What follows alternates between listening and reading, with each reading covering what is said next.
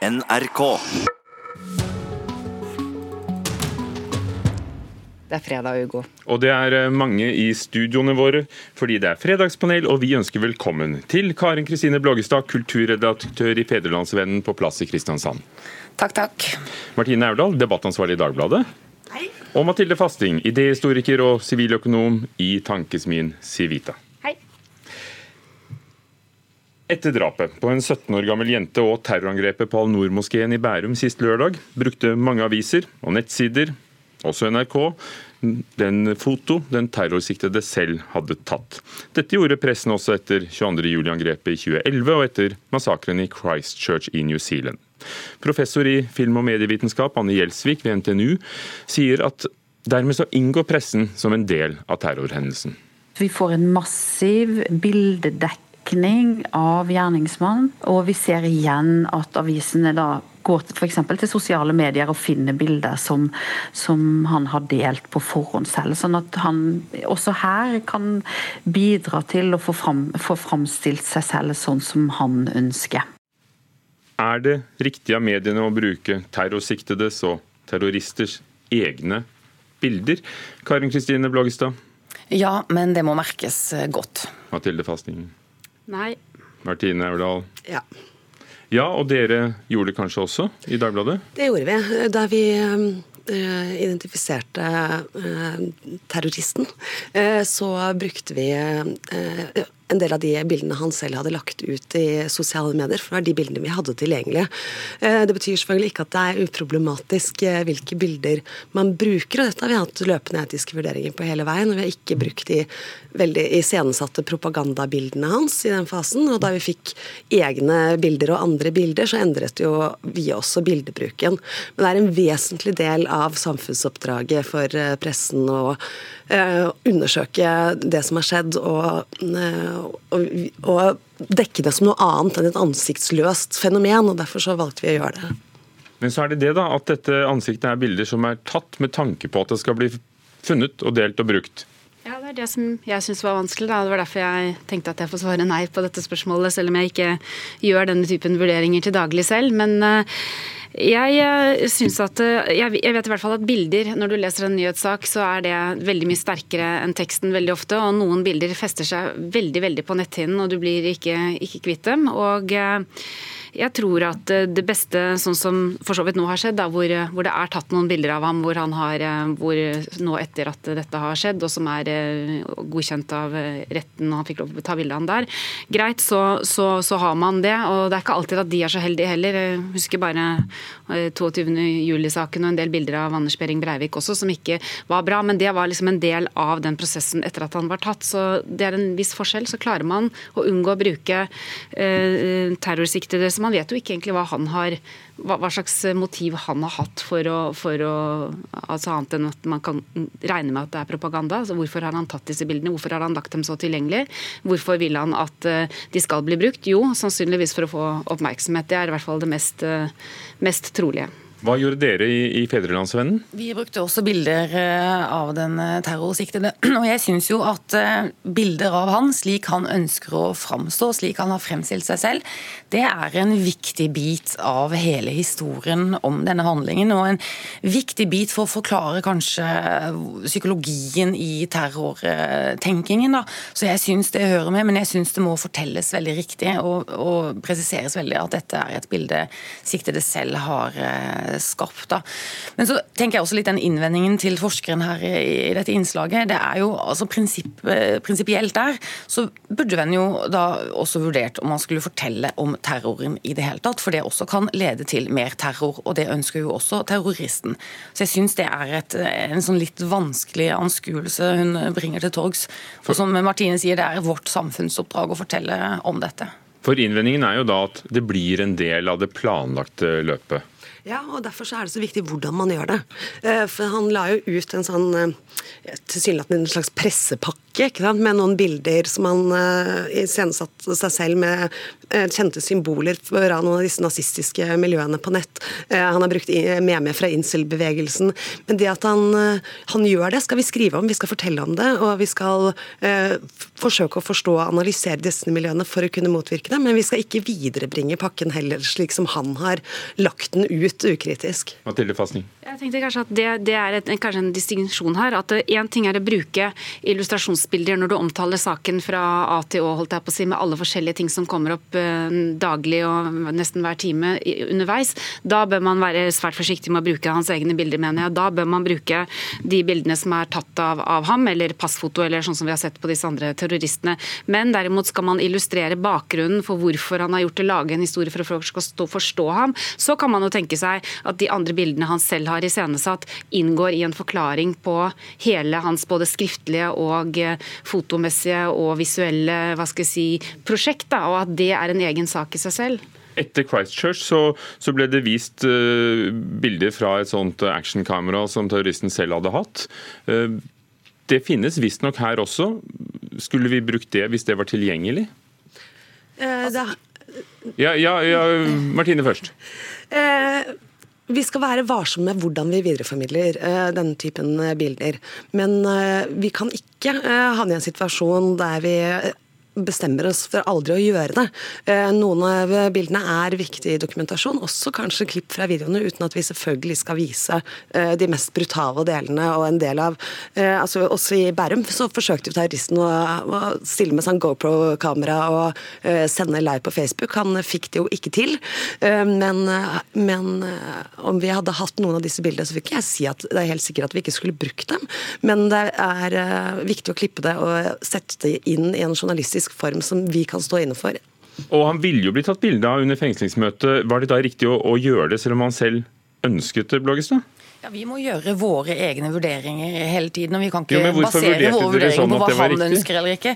Jo, for Det, eh, det synes jeg jo det er slik han ser eh, ut nå, etter eh, at denne handlingen har blitt begått. Og jeg tror jo også at det er liksom hovedbildet som har festet seg på netthinnen hos norske folk. Denne forslåtte, litt kanskje stusslige gutten da, som sitter i rettssalen der og skal svare for seg. Neste tema. Det har vært Arendalsuke. Velkommen til Nyhetsmorgen i dag, både fra Oslo og fra Arendal. Hjertelig velkommen til årets partilederdebatt her fra Arendal. Velkommen hit til Nyhetsmorgen direkte fra Pollen i Arendal. Sola har begynt å varme opp NRK-studio ved kaia i Arendal. Hver dag sender Ekko herfra Som noen har poengtert, så har um, NRK sendt rikelig med journalister og sendinger fra Arendalsuka, men vi var ikke alene. og det, det heter seg jo at uh, alt som kan krype og gå av meningsbærere og politikere og alle med et budskap har samlet seg i Arendal. Eh, Arendalsuka markerte i år også da starten på valgkampen. Men bryr folk seg egentlig om det de holder på med i Arendal under denne uka? Mathilde Fasting. Nei. Martine Aurdal. Ja. Karin Kristine Blågestad, trygt plassert og har vært på jobb hele uka i Arendal. Ja, og Arendal litt. Så svaret på det er et rungende ja. Selvfølgelig bryr folk seg om det. Og hvordan ble det sånn, du som har fulgt det fra år null? Eh, det er jo sånn at Arrangementet og den festivalen den har vokst og vokst og vokst. Og vokst. Eh, og nå er den jo helt eh, spektakulær stort. Eh, Altså Det er jo 80 000 besøkende, kanskje enda mer, tror jeg. Det er vanskelig å telle. Og mellom 1200 kanskje opp mot 1400 arrangementer. Og det er jo sånn at Når man samler denne enormt tette symbiosen mellom politikere, kommunikasjonsfolk, lobbyister, organisasjoner, det private næringsliv, forskning, utdanning, så kommer det jo en sånn helt egen spesiell dynamikk. Og det spilles jo ut i løpet av eh, denne uka veldig mange saker og veldig mange debatter og sånn, så, og det bryr folk seg om. Det er jo, Men at det akkurat skjer i Arendal, det vet jeg ikke om altså Folk registrerer jo det, selvfølgelig, men jeg tror ikke at det betyr så mye. Det kunne kanskje vært eh, Svolværuka eller noe sånt også, men at eh, den festivalen har noe for seg, det er jeg ikke i tvil om i det hele tatt.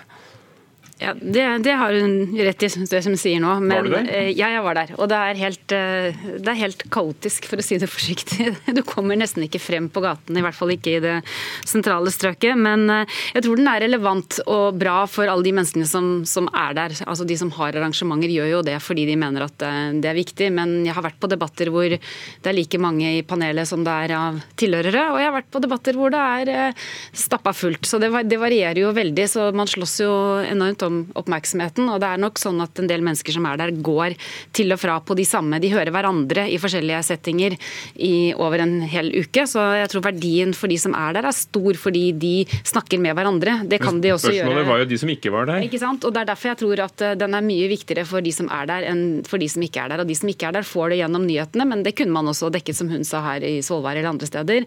Så, og Valgkamp f.eks. her, det ville jo vært en valgkampstart uavhengig av eh, Arendalsuken også, så det er jo en lykkelig skal vi si, timing av tidspunkt annethvert år. Da, at det er valg, ikke sant? og så gjør man Kanskje det der. ikke tilfeldig. Eh, Martine Erdal, det er ikke du som blir revet med av denne fortettede stemningen? Eh, man blir jo revet med, eh, men siden jeg nå bruker opp mot en uke der hvert år, så må jeg jo mene at det er meningsfylt. Og det er jo, altså, som, som, politisk journalist så er det jo meningsløst å være i Oslo når alle andre er i Arendal. Det er der alle kildene våre er. Det er der alle, alle ting skjer. Så vi kan like gjerne jobbe derifra som fra Oslo denne uka.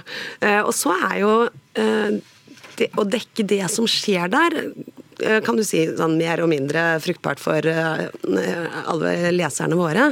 Men at de tingene vi får vite, eller de menneskene vi snakker med, det er jo ting som vi får nytte av journalistikk, i journalistikken vår gjennom hele året. Også et år si... ja, ja, kom igjen, Blågestad. Jeg må si en ting som blir litt underkjent i forbindelse med Arendalsuka, og som vi journalister glemmer litt, for vi er jo så veldig interessert i debatter og politikk og sånn. Men det er altså så mye næringsliv der. Alt fra oljeleverandørindustri til entreprenører, til bank, finans. Og det er så mye forskningsinstitusjoner der. sånn det er en enorm utveksling av faget der. Og veldig mye popularisert sånn forskningsformidling. Og det syns jeg har nesten økt mer og mer, og det er jo kjempeinteressant. Og jeg har møtt altså ganske mange begeistrede publikummere som har blitt veldig oppdatert på ulike fagfelt, og nå vet liksom det siste nytt på det og det området og sånn. Så det har jo også en veldig stor verdi. Jeg tror verdien som jeg sa, på de menneskene som er der, og det er, det er, forskjell på det og de som er folk flest, som man ble spurt om i spørsmålet her.